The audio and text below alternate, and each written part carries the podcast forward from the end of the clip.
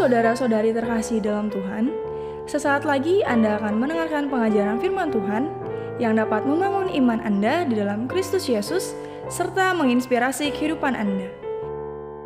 Dari House of Prayer Church, selamat mendengarkan.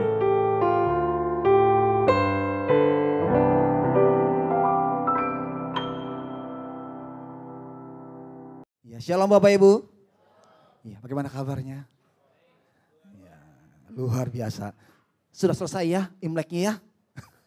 Iya, kemarin cap gome kan sudah selesai berarti Imleknya. Ya sudah, ya nggak ada lagi minta angpau ya, Bapak Ibu. Sudah selesai, angpau ditutup. Simpan buat nanti tahun depan. Iya, iya. Oke, puji Tuhan Bapak Ibu. Ya di bulan ini, tema yang Tuhan berikan bicara mengenai namanya hubungan. Hubungan Bapak Ibu. Manusia sebagai makhluk yang Tuhan ciptakan, yang sama seperti gambarannya Allah. Di kejadian 1 ayat 26 dikatakan, marilah kita menjadikan manusia yang serupa dengan gambaran kita. Artinya apa manusia sama dengan Allah. Nah kalau Allah kita sembah Bapak Ibu, Allah tiga pribadi, tapi satu, mereka selalu bersama-sama. Katakan marilah kita, itu bicara tentang Allah Bapa, Allah dan Allah Kudus, marilah kita menjadikan, mereka selalu bersama-sama. Ia melakukan segala pun juga bersama-sama. Mereka bersama-sama membangun kehidupan Bapak Ibu. Menjadikan manusia yang sama seperti kita. Artinya apa? Manusia pun juga sama seperti apa yang ada pada Tuhan. Ya, manusia diciptakan sebagai makhluk sosial. Bilang makhluk sosial. Bukannya sosial ya, beda. Tapi sosial artinya apa? Perlu makhluk lain. Perlu orang lain. Perlu teman lain. Perlu tetangga. Ya, perlu juga pasangan. Ya belum pasangan, belum punya pasangan, doa sama Tuhan ya, biar punya pasangan. Amin. Iya. Ya, sebab Tuhan berkata, nggak baik engkau seorang diri saja. Engkau baik, engkau, engkau baik seorang diri saja, seorang wae lah gitu ya, bahasa Jermannya. Ya, kau menciptakan engkau seorang penolong. Artinya apa? Bahwa manusia tuh nggak baik kalau seorang diri. Dia perlu orang lain, ya supaya baik keadaannya. Kan itulah Bapak Ibu, kita malu sosial, perlu kita orang lain. Nah Bapak Ibu, untuk membangun ya kehidupan dengan orang lain itu perlu namanya komunikasi. Kan nggak mungkin kita dengan orang lain tuh diam-diam aja ya. Nggak mungkin kita berdiam ya dengan kok acing, ya diam-diaman aja, dekat-dekatan diam aja. Kan nggak mungkin ya. Untuk bangun hubungan perlu namanya komunikasi. Nah komunikasi inilah yang dipakai untuk menjadi sarana untuk kita bangun hubungan dengan ya teman kita, dengan orang lain, dengan keluarga kita, baik pasangan kita juga dengan anak-anak kita. Perlu namanya komunikasi. Ya untuk supaya apa? Kita bisa berhubungan. Ya. Nah sering kali Bapak Ibu, Ya, masalah terjadi iya dengan pasangan kita, dengan teman kita. Disebabkan apa? Karena terjadinya masalah di komunikasi. Yang nanti katakan, heeh. Nah, ya, puji Tuhan. Ya Bapak Ibu, iya sering kali terjadi hubungan bermasalah. Disebabkan apa? Karena ada masalah di dalam hubungan. Di dalam komunikasi. Jadi komunikasi bermasalah, menyebabkan hubungan bermasalah. Nah ini Bapak Ibu, relationship artinya hubungan yang sakit. Ya bukannya hubungan yang sakit panas, demam, bukan Bapak Ibu. Iya, tapi hubungan yang gagal. Iya, komunikasilah alat kita kita pakai untuk menyampaikan apa yang di pikiran kita, di hati kita, di kemauan kita, sehingga dimengerti oleh lawan bicara kita. Baik itu pasangan kita, teman kita, atau anak kita, sehingga apa yang kita mau itu dimengerti oleh mereka. Nah kalau sampai apa yang kita mau di pikiran kita, di hati kita enggak dimengerti, berarti ada yang salah. Dan ketika salah, maka hubungan akan menjadi hubungan yang enggak baik. Relation sick terjadilah hubungan yang sakit Bapak Ibu. Karena itulah perhatikan Bapak Ibu, komunikasi itu sangat penting sekali untuk kita bisa membangun hubungan satu dengan yang lain. Hubungan ya perlu komunikasi. Di komunikasi perlu dibangun. Ya supaya hubungan menjadi baik. Kalau hubungan nggak dibangun Bapak Ibu, maka hubungan akan nggak sulit menjadi baik. Iya, saya kenal Bapak Ibu, ya kenal kenal tapi ya beda kalau saya kenal dengan istri saya. Iya kan ya, karena setiap hari saya berhubungan dengan dia, setiap hari saya bersama-sama dengan dia. Iya, saya kenal dia. Setiap hari saya bangun hubungan dengan istri saya. Nah, saya kenal dia lebih baik daripada yang saya kenal dengan Bapak Ibu. Saya kenal Awi, kenal cuman juga pun di hari Minggu aja. Iya, beda dengan dengan pasangan saya. Setiap hari ketemu, pulang ketemu dia, malam ketemu dengan dia, tidur ketemu dengan dia juga. beda ya. Kalau saya dengan Ko Awi, paling hari Minggu aja ketemu pelayanan atau mungkin di doa di doa doa ketemu, iya terbatas. Tapi kalau setiap hari ketemu dengan pasangan saya, itu akan menjadi lebih semakin lebih baik lagi. Jadi Bapak Ibu kalau kita ingin bangun hubungan dengan pasangan kita atau teman kita atau siapa pun juga, mulailah dibangun dengan iya baik. Kita perlu orang lain. Kemarin banjir Bapak Ibu, di rumah saya banjir tanggal 1 banjir ya. Iya, semua terputus aksesnya. Kenapa keluar dalam banget, udah segini, di, di luar jalanan sudah segini Bapak Ibu. Ya kita berdiam diri di di rumah. Kebetulan tetangga saya pun juga sama-sama juga berdiam diri di luar Bapak Ibu, nggak ngungsi. Ya, dan sebelah kiri saya tuh ada seorang janda. Janda ya, yang macam-macam pikirannya, anak muda. ya, ada seorang tinggal sendirian bersama dengan anaknya. Iya, kesian lah Bapak Ibu ya karena suami sudah meninggal. Iya, dia bilang, Pak, Pak, kenapa Ci? Bapak kompornya masih ada nggak Pak? Masih ada Ci. ya, masih ada Ci. Nggak kelelep Pak, maksudnya iya ada Ci masih nyala. Kenapa? Pak, kompor saya kelelep Pak. Lo kenapa? Tolong masukin supermi Pak. Tolong masukin supermi Pak. Oh iya Ci, boleh. Uh, ada supermi nggak Ci? Ada Pak, ada. Betul dia orang agama Buddha. Dia ya ya beri kiacai gitu ya. Jadi seperti itu keserumi yang yang ini vegetarian gitu loh. Dikasih ke saya. Pak ini Pak, tolong masukin ya. Iya Ci, tendang Ci, beres Ci. Iya, Ci, ntar kira-kira setengah jam Ci. Iya nanti naik loteng aja Ci ya, jadi gak usah turun, gak usah ngerobok. Ngerobok kan segini ya, kesian dia. Ci naik loteng aja ke genteng, kita hubungan lewat genteng aja. ya kasihan lah Bapak Ibu, udah ngerobok gini kan udah udah tua ya. Uh, Ci naik ke atas aja loteng, loteng aja nanti saya ke atas loteng juga nanti kita berhubungan lewat atas aja gitu ya. iya gitu Bapak Ibu. Gitu aja Pak masih punya itu enggak listrik? Kenapa Ci? Handphone saya mati. Emang bisa handphone bisa nyala Ci? Ya minimal sih bisa denger radio gitu ya. ada Ci, saya ada genset betulan. Cuman genset juga saya gunakan juga nggak non stop. Ya kan juga bensinnya pun juga ya mesti keluar ngerobok keluar kalau habis kan susah ya. Jadi ya ya ada Ci nanti malam saya nyalain. Ya Pak tolong casin ya. Iya Ci siap Ci iya. Nah Bapak Ibu ya perlu hubungan. Demikian juga Bapak Ibu dengan sebelah kanan saya Bapak Ibu. Itu sama orang tua juga. Saya agak sedikit tanda kutip sebel, kesel dengan mereka. Ya nama orang tua adatnya juga ini orang tua zaman dulu Bapak Ibu. Sudah agak mau menang sendiri gitu loh ya. Iya buang sampah, buangnya ke tempat saya Bapak Ibu. Iya sampah rumah tangga digantungin, digantungin rumah saya Bapak Ibu. Saya sempat kesel juga. Iya, saya, saya agak sedikit kesel sama dia. Nah kemarin Bapak Ibu banjir, sudah kering tuh, lagi bersih-bersihin. Wah banyak sampah Bapak Ibu. Iya semua, iya kayu-kayu pada rontok semua. Ya almari ini Kartika, tempat file dokternya rontok semua. Iya kenapa? Karena dari partikel board, ya kena air langsung berek, ambruk gitu ya. Banyak sampah Bapak Ibu di, di depan rumah saya tuh. Ya demikian juga tetangga sebelah kanan saya, dia nyewa truk, truk sampah. Iya, semua udah kututin dibilang, Pak, sampah lo naikin aja Pak. Bener kok, iya naikin aja gak apa-apa, kita kan tetangga harus baik, sama-sama baik ya. dia bilang gitu ya, saya aduh Tuhan saya menyesal Tuhan. iya, aduh kamu siap kok, udah sekalian saya semua sampah saya ke dia Bapak Ibu. dia sewa truk Bapak Ibu, saya tinggal ngangkutin aja. Nah Bapak Ibu kita perlu orang lain Waktu itu kita harus berbangun hubungan supaya hubungan menjadi baik. Dan ketika hubungan kita nggak baik, ya masalah pun juga nggak baik Bapak Ibu. Sebelum saya agak sedikit sebel. Saya kalau ketemu dia, saya kadang suka, gue gak mau nyaut, gue gak mau panggil dia. Nah sekarang setelah dia tolong saya, saya jadi agak, aduh nggak enak kan jadi paisengki ketemu dia. Kok, jadi gitu loh Bapak Ibu. Nah dengan itu hubungan jadi baik Bapak Ibu. Setelah itu ya kita jadi akur-akur ya Bapak Ibu ya. Kalau ketemu saya nanya, manggil. Dan lebih baik Bapak Ibu setelah itu. Nah, untuk itulah Bapak Ibu, hubungan iya perlu kita bangun. Komunikasi kita perlu lakukan.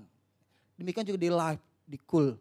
Iya, kalau kita ingin dengan anggota-anggota live kita memiliki hubungan yang baik, bangunlah hubungan. Bangunlah komunikasi. Jangan hanya kalau hari Jumat aja ya siangnya, eh hey, jangan lupa ya nanti malam ada live ya. Nanti hari Sabtu sampai hari Kamisnya hilang lenyap. Bagaimana mau hubungan yang baik kalau seperti itu Bapak Ibu. Ya hubungan yang baik terjadi karena alat komunikasi yang terus dibangun, dibangun, dibangun. Nah Bapak Ibu, ya hubungan yang sakit bermasalah Karena bermasalah di komunikasi. Komunikasi nggak nyampe. Bapak Ibu Tuhan Yesus saja ketika dia berkata kepada murid-muridnya. Ya bisa tampilkan di Yohanes media. Ya ketika ada 5 ribu orang nih. Ya kelaparan. Yohanes tampilkan. Nah Tuhan memandang ke sekelilingnya dan melihat bahwa orang banyak berbondong-bondong datang kepadanya. Berkata ialah kepada Filipus muridnya. Di manakah kita akan membeli roti? Ketika Tuhan melihat ada lima ribu orang ya berbondong-bondong datang kepada dia. Ya kemudian berkatalah murid kepada muridnya. Di manakah kita akan membeli roti supaya mereka dapat makan? Pertanyaannya apa Bapak Ibu? Di mana membeli? Jawabannya apa? Di roti boy ada. Ya kan ya? Di mana lagi? Di Holland Bakery ada. Ciayen anugerah tersedia. Mau berapa banyak? Siap. Iya. Itu jawabannya seperti itu kan ya. Di manakah kita membeli roti? Di anugerah aja kalau saya bilang itu. Yesus di anugerah aja. Iya. Nah, tapi apa jawaban daripada next? Jawab Filipus kepadanya, roti seharga 200 Dina tidak akan cukup dengan mereka. Ya, nyambung nggak jawabannya? Nyambung nggak? Tuhan tanyakan di mana kita membeli roti? Tapi jawabannya apa? Mana cukup uang? Nah, Bapak sering kali Bapak Ibu, ya komunikasi nggak jalan. Kenapa? Sebab karena nggak nyambung. Ya, untuk itulah pastikan Bapak apa yang kita sampaikan, perkataan kita, ya di pikiran kita itu dimengerti oleh lawan bicara kita. Ya sampai akhirnya karena kita nggak ngerti, kita salah. Ya, salah tindakan. Ya pernah saya bilang, ya Pak nanti kalau pulang dari dari kantor, tolong mampir ya ke ke agen di Aladin, ya beli mie satu aja. Siap mah. Suami setia kan bilang siap.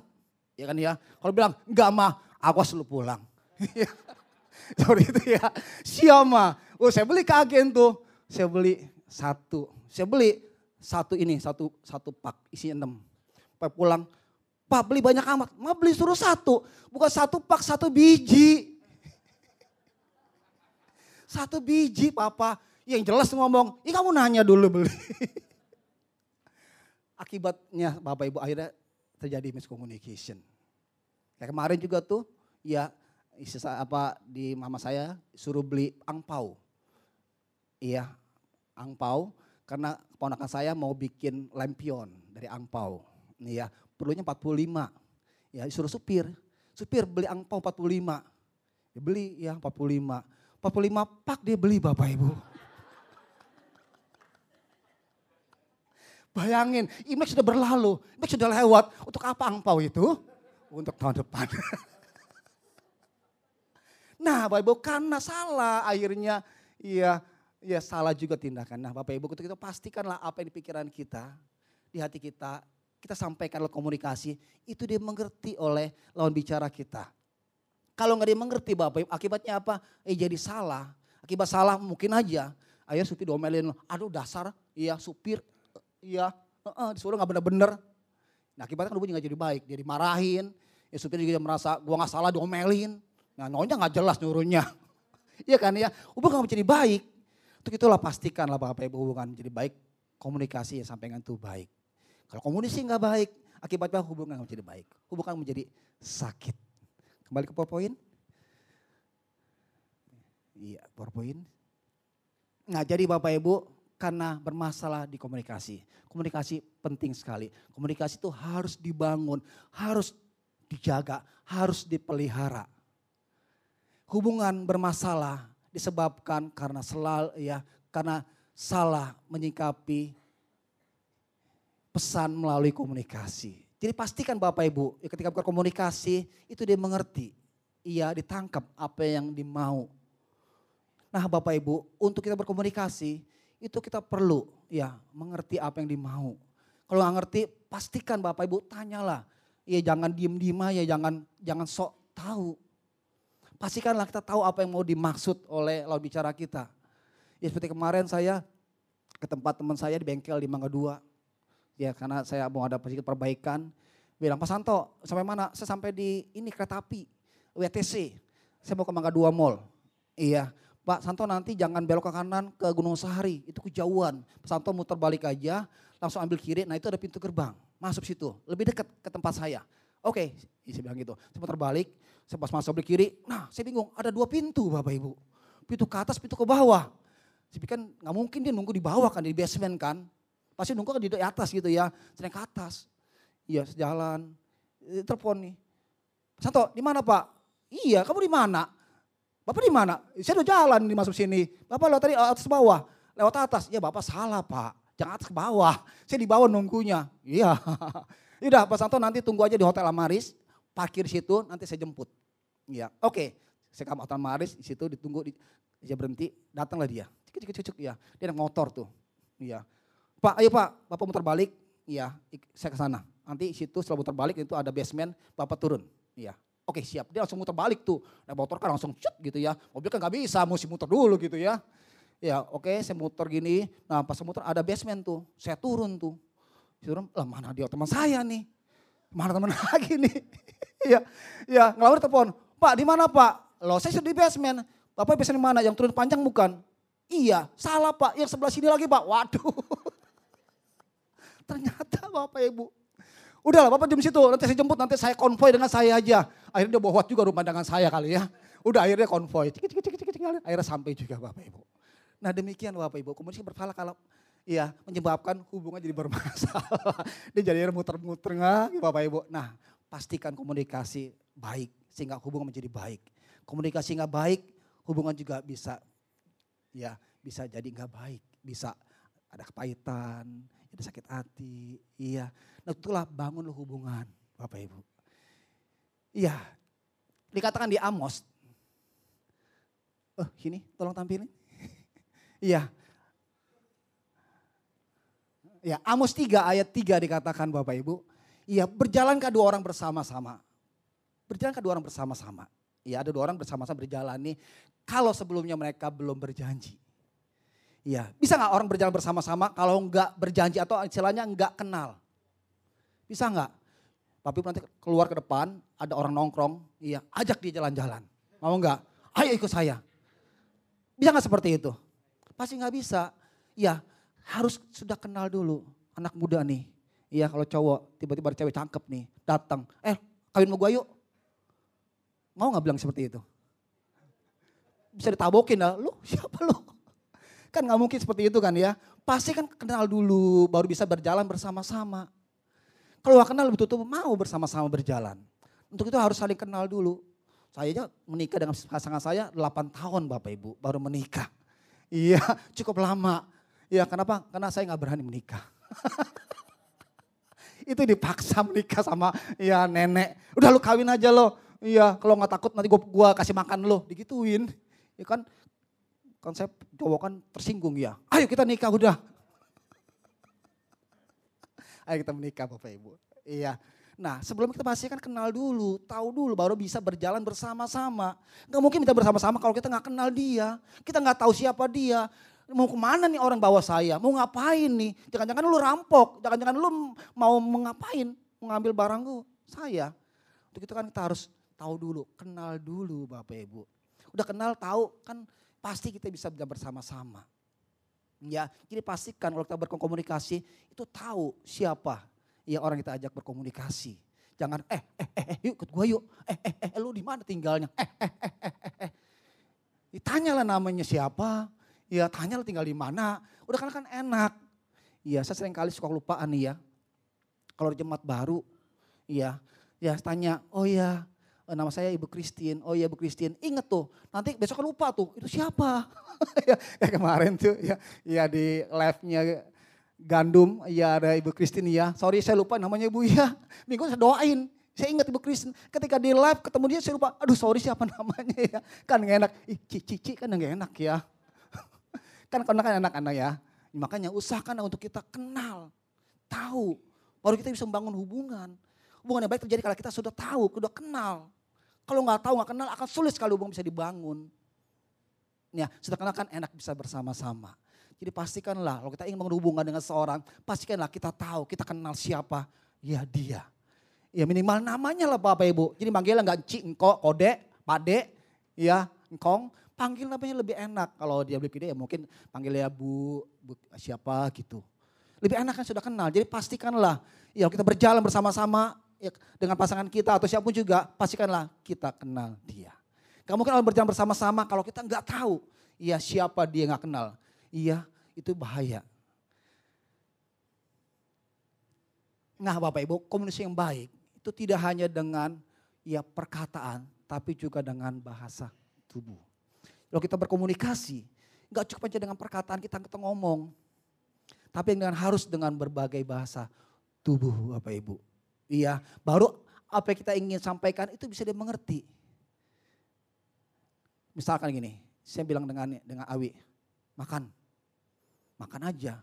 Ya kalau bilang kalau, kalau saya bilang gini, makan, Nanti saya menyuruh dia untuk makan. Ya kan ya. Kalau bilang makan. Ya makan di sana artinya kan beda lagi pengertiannya. Itulah pastikan lagi perkataan kita tuh ya dimengerti dengan kita menggunakan dengan berbagai iya bahasa tubuh juga. Sebab supaya menunjukkan ya dikatakan datang nggak tulisannya? Kelihatan ya? Oke. Iya komunikasi yang baik itu 7% berasal dari kata-kata. Jadi Bapak Ibu kita ngomong ini itu dimengerti hanya 7%. 7% kecil loh Bapak Ibu. Jadi pertanyaan kita sudah capek berbusa-busa. Itu dimengerti 7%. Sakit hati enggak? Sakit hati ya. 7%. Dikatakan tapi 38% itu intonasi. Perkata ada ada tekanan. Awi sudah makan belum? Beda kan enggak? Kalau Awi sudah makan? Awi sudah makan belum? Iya, beda. Ada intonasinya, ada ada tak penekanannya, yang mana yang penting, yang mana yang enggak. Ya, seperti kemarin dengan pasangan saya, saya bilang, mah itu PowerPoint untuk nanti khotbah saya sudah upload di email mama.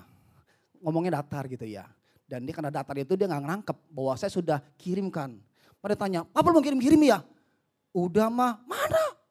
Udah nih pak, Enggak ngomong sih? Udah ngomong mah. Enggak nggak ngomong, udah ngomong mah. Ya saya ngerti karena saya ngomong hanya sekedar lewat aja, mah sudah di email. Nah dia karena dia nggak ada penekanannya, ya jadi lewat. Bedakan mah sudah di email ya mah, sudah di email. Nah itu kan beda kan ya. sudah di email dengan sudah di email. Kan beda ya.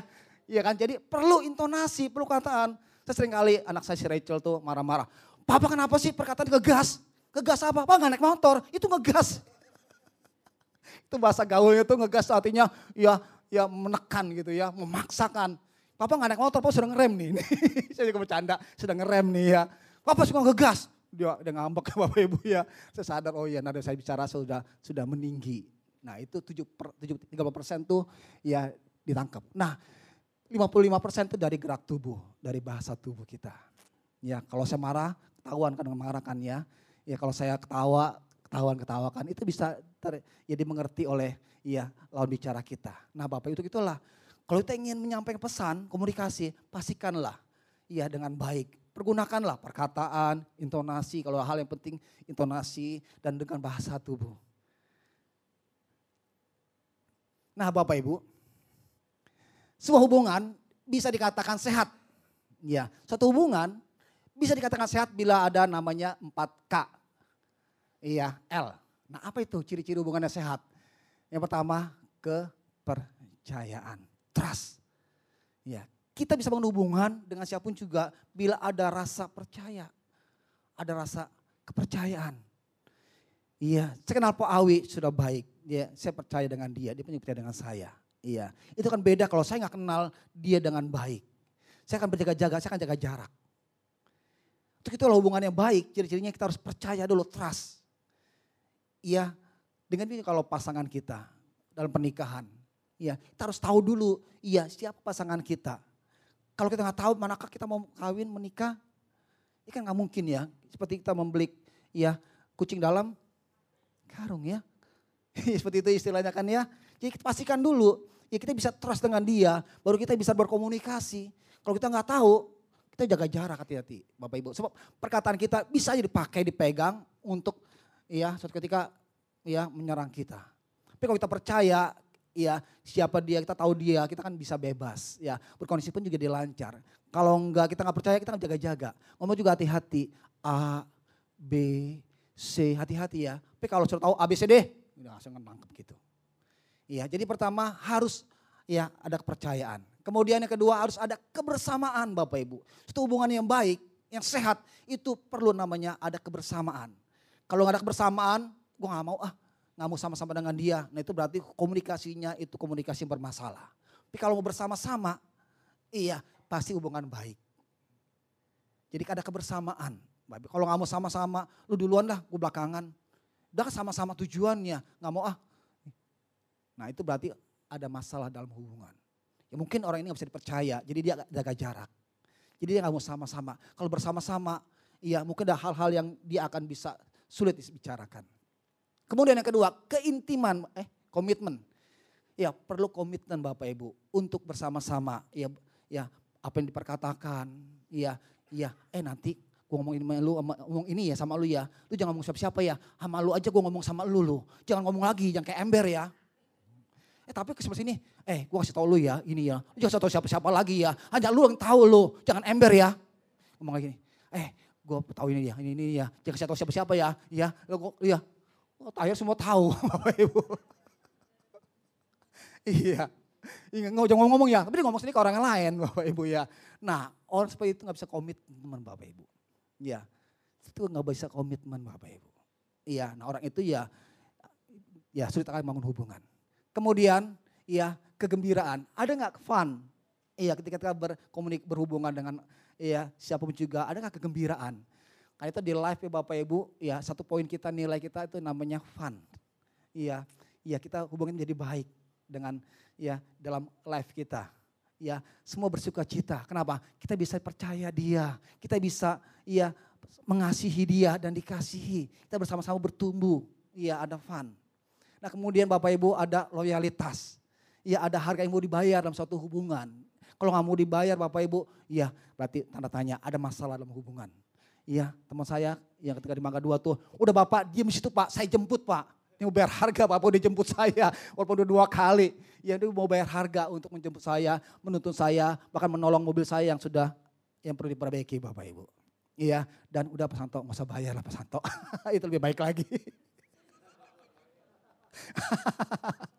iya Bapak Ibu, ada loyalitas mau bayar harga. Iya, Pak di mana Pak? Saya jemput. Iya, apa nggak kendaraannya? Saya anterin ada loyalitas, ada mau bayar harga untuk suatu kebersamaan, untuk suatu hubungan yang baik. Nah Bapak Ibu di 2 Korintus 6 ayat 11 sampai 12 dikatakan, Hai orang Korintus, kami telah berbicara terus terang kepadamu, hati kami terbuka lebar-lebar bagi kamu.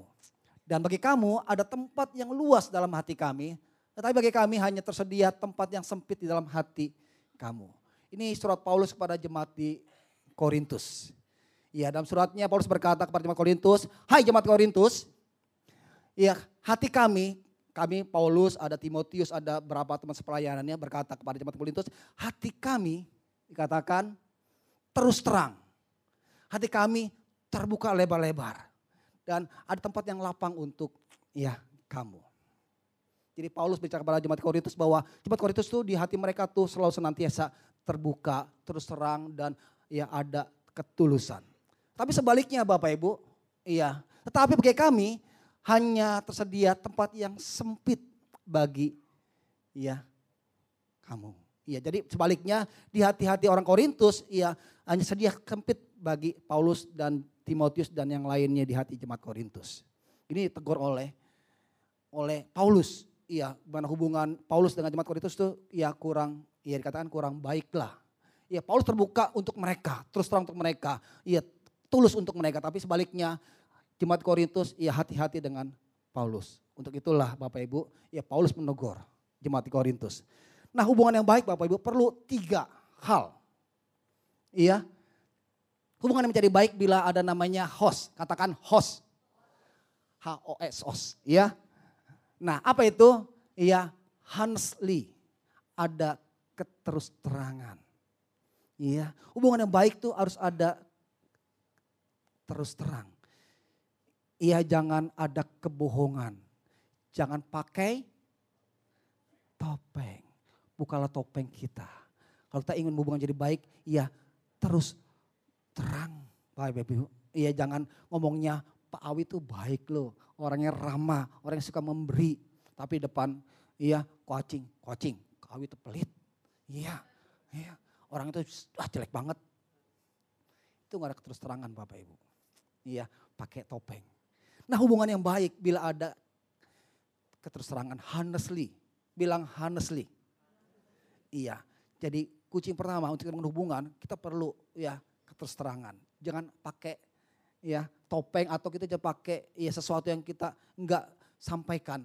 A, B, ya A, A, B sampaikan. Jangan depan A, belakangnya B.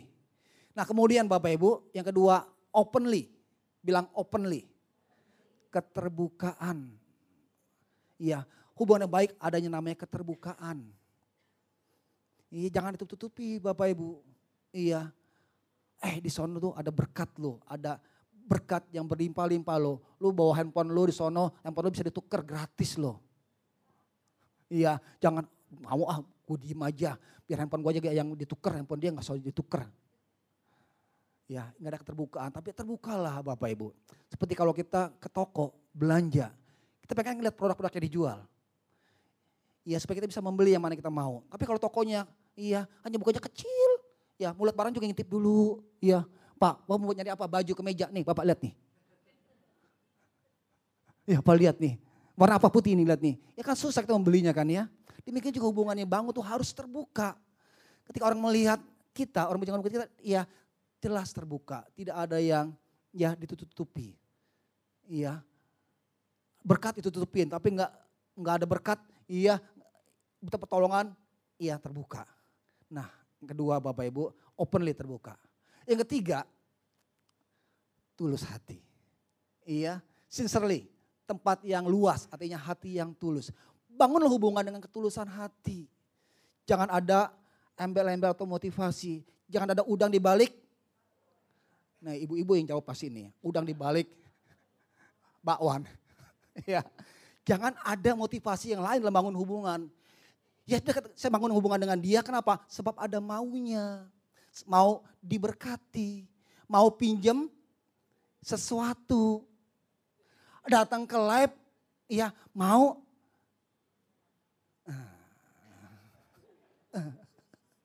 Iya, jadi harus punya motivasi yang benar, yang baik Bapak Ibu. Iya. Nah ketika sudah kita menjadi tulus Bapak Ibu karena kita ingin berbaik, ya itu bukan menjadi baik.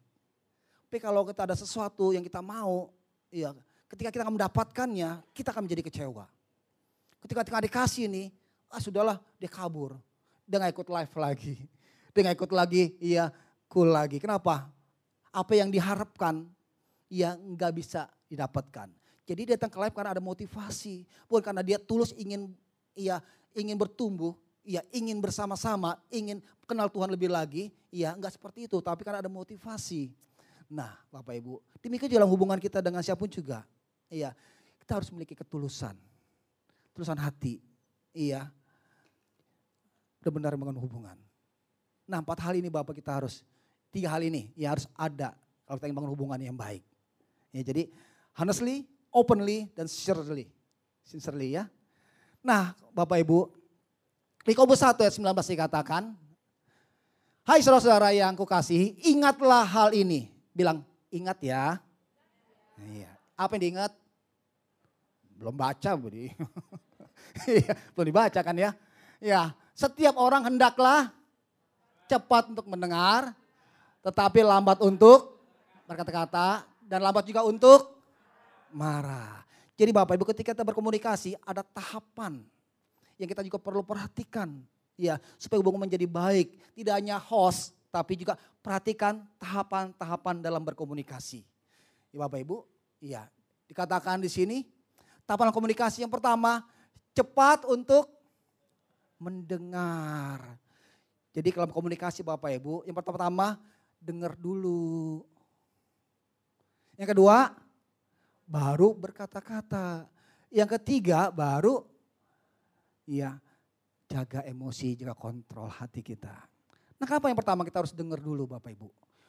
Iya, supaya kita tahu apa yang dimau, apa dimaksud oleh lawan bicara kita atau oleh teman kita, oleh pasangan kita. Jangan baru ngomong, iya gua mau, aku tahu lah lo mau duit kan? Belum tentu. Gua mau kasih uang, tahu nggak? Kesalah jadi kita kan. Kita dengar dulu. Nah mendengar juga ada tahapan ya Bapak Ibu.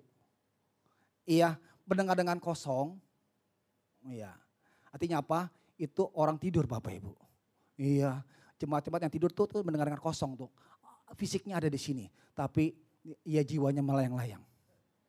Iya, itu mendengar kosong. Orangnya ada tapi nggak tahu jiwanya ke mana. Itu mendengar kosong. Nah kedua mendengar ya dengan dengar mendengar dengan pura-pura. Iya, orangnya ada, orang gini. Tapi pura-pura mendengar Bapak Ibu. Pikirannya, gue ntar pulang, gue mau makan bami. Gue pulang ntar mau ke mall. Nah itu, itu mendengar Bapak Ibu, dia dengar. Tapi mendengar, iya nggak tahu apa yang disampaikan. Nggak tahu apa maksudnya. Pas waktu ngomong lama-lama banget nih. Iya, gue ntar pulang pokoknya mau ke mall aja. Nah itu ya. Jadi iya pura-pura mendengar, tapi dia nggak tahu apa yang disampaikan, apa yang mau dijabarkan, hanya mendengar aja. Nah mendengar yang baik Bapak Ibu adalah mendengar yang memiliki ya analisa, sikap hati dan menangkap apa yang mau disampaikan. Jadi Bapak Ibu mendengar baik adalah menganakan suatu analisa. Iya, Oh iya pesanto hari ini khotbah tentang hubungan nih. Oh hubungan yang baik itu perlu tiga hal. Oh ini, ini, ini. Nah itu mendengar yang baik. Artinya apa? Mendengar yang menyimak, mendengar yang memperhatikan, mendengar yang menganalisa. Dan mengambil suatu keputusan atau suatu kesimpulan Bapak Ibu. Nah ini yang dibutuhkan kalau kita mengenai hubungan ya dengan baik dengan seseorang atau siapa pun juga. Kita perlu menangkap apa sih pesannya, apa sih maunya, apa sih ingin disampaikan, dan apa sih yang perlu kita lakukan. Ini baru yang mendengar yang baik Bapak Ibu. Iya, mendengar sampai tahap mendengar, mengerti apa yang dimau lawan bicara kita. Ya, dulu saya bilang, sering ngomong gini gini gini, ya dulu saya suka iya, iya, seperti mendengar lewat gitu aja ya. Ayo ditanya di tes, apa sih gue ngomong tadi? Yang tadi itu apa? Lu gak denger lu. Nah, saya sering kali akhirnya cekcok Bapak Ibu. Kenapa? Saya nggak mendengar apa yang diperkatakannya dengan baik, apa yang dimau. Saya mendengar suara dia, suaranya masuk. Iya, ya mungkin keluar lagi kali sini ya. Tapi saya nggak tahu maunya dia apa dari perkataan dia ngomong seperti itu. Iya. Saya pikir kan wanita emang itu ngomongnya kan 75 ribu kata. Beda dengan dengan pria hanya 5 ribu kata. Saya pikir ya dia mengeluarkan unek-uneknya ya. Tapi ternyata dia mau menyampaikan sesuatu dan saya enggak enggak enggak gitu loh Bapak Ibu ya. Akhirnya ngomong apa gua? Apa ya? Itu yang tadi tuh. Tadi apa? Oh, lu enggak dengar tahu juga. Nah Bapak Ibu, iya mendengar sampai kita mengerti apa yang dimau, apa yang dimaksud oleh pasangan kita. Itu komunikasi yang baik. Jadi mendengar. Nah yang kedua Bapak Ibu, ya lambat untuk berkata-kata. Setelah mendengar, kemudian ia berkata-kata. Tapi jangan cepat-cepat berkata-kata dulu. Ya Tuhan bilang lambat berkata-kata. Artinya apa? Supaya perkataan kita tuh kita bisa, ya kita bisa olah dulu. Kita bisa analisa dulu. Apakah perkataan kita ini bisa membangkitkan orang atau tidak? Perkataan kita apakah bisa membangun dia atau enggak? Kalau kita enggak mikir dulu, kita langsung ngejeblak. Ya, orang sudah jatuh ketimpa tangga, kepleset, jatuh genteng lagi Bapak Ibu. Seperti itu akhirnya. Tapi kalau kita mikir dulu, ya, oh iya orang ini sedang punya masalah. Oh iya Bapak jangan takut, percayalah Tuhan ini ini, ini. kita ya mikir dulu, ya setelah kita mikir kita berperkatakan, perkataan yang bisa mengencourage dia, perkataan yang membangun, perkataan firman Tuhan. Jangan dia cerita gini, ah udahlah Pak, apa-apa Pak, kok semua orang seperti itu Pak, udahlah Bapak gini gini gini ya. Wah itu bukan satu solusi bagi dia. Ya, lambat berkata-kata artinya kita memikirkan dulu perkataan kita seperti apa. Jika perkataan kita perkataan yang bisa membangun, perkataan yang bisa memecahkan jadi solusi, perkataan yang bisa membuat dia bangkit Bapak Ibu, ya itu lambat berkata-kata. Kenapa Tuhan kasih mulut satu, telinga dua? Supaya kita dengar dulu baru ngomong. Kalau kita ngomong dulu, terbalik Bapak Ibu. Iya, aduh salah gue ngomongnya Iya, udah masalahnya nggak seperti itu. Nah sering kali seperti itu. Tapi biasanya itu anak-anak Bapak Ibu. Ya anak-anak biasanya ngomblong dulu, ngejeblak dulu, mikir belakangan. Orang sudah luka, orang sudah sakit hati, baru mikir, oh ya gue salah. ya. Nah Tuhan bilang, ya dengar dulu baik-baik, ngajak dua telinga, ya satu mulut, supaya apa? Ya telinga dulu dipasang, ditangkap, dia mengerti maunya apa, barulah kita mulai berkata-kata. Perkataan pun juga sudah mulai diolah dulu. Iya, supaya perkataan kita perkataan yang tepat, bisa membangun, bisa mengencourage, bisa membuat dia bangkit ya bukan hanya makin malah membuat tertusuk dia. Nah yang ketiga, lambat untuk ia marah. Artinya apa? Jaga hati kita. Kontrol hati kita, emosi kita kontrol. Iya, jangan cepat-cepat panas. Jangan cepat-cepat, uh awas nih ya. Aduh, wah ketika kita panas Bapak, kita nggak bisa ngontrol hati kita. Akan berdampak perkataan kita perkataan yang juga nggak baik. Apa yang keluar dari perkataan kita timbul dari hati kita. Hati kita kita nggak kontrol Bapak Ibu, hati kita emosi, panas, perkataan itu perkataan yang negatif. Itu itulah jaga hati kita, lambat untuk marah, artinya apa? Jaga hati, kontrol hati kita. Jangan terbawa emosi. Pak, Bapak dibilang Bapak ini, ini, ini lo. Waduh, awas dia, ntar gua sikat nih ya. Gua gosok pakai batu ini ya, biar licin. jaga hati Bapak Ibu, supaya kita jaga hati, ya kita bisa mengontrol perkataan kita. Kita bisa mengontrol ya tindakan kita. Nah emosi nggak terkontrol membuat ya perkataan kita apa nggak baik, tindakan pun juga nggak jadi baik. Itu itulah Bapak Ibu yang ketiga, ya tahapan dalam berkomunikasi yang ketiga, ayo jaga hati. Ya kalau mungkin emang itu berkaitan dengan kita dan nggak baik, ya jangan emosi. Perlu kita klarifikasi, perlu kita coba tanya, benar nggak seperti itu?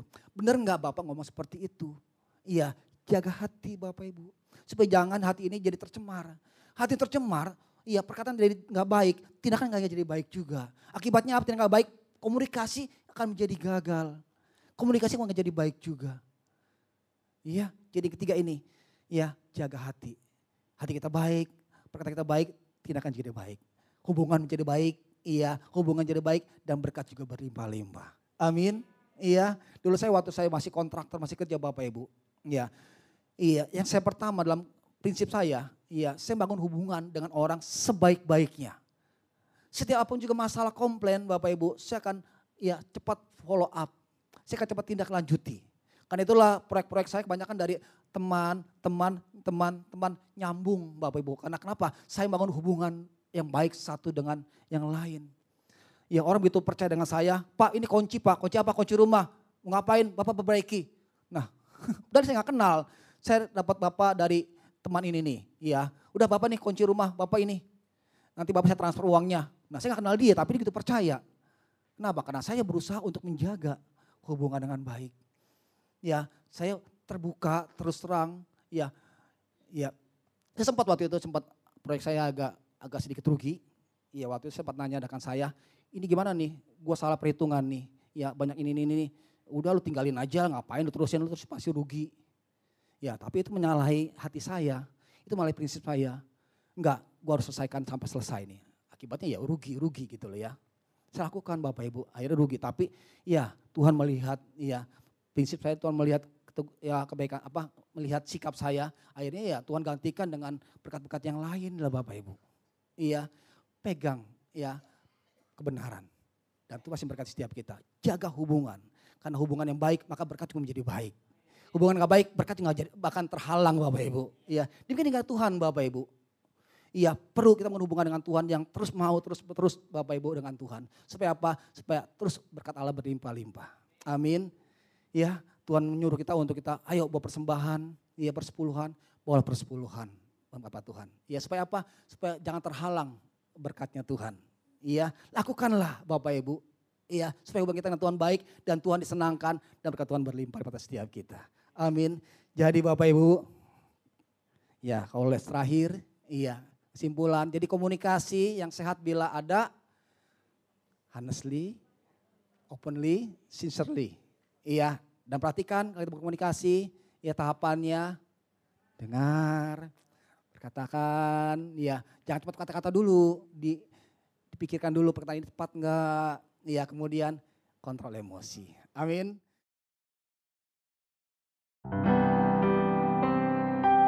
Anda telah mendengarkan sharing firman Tuhan yang disampaikan oleh hambanya.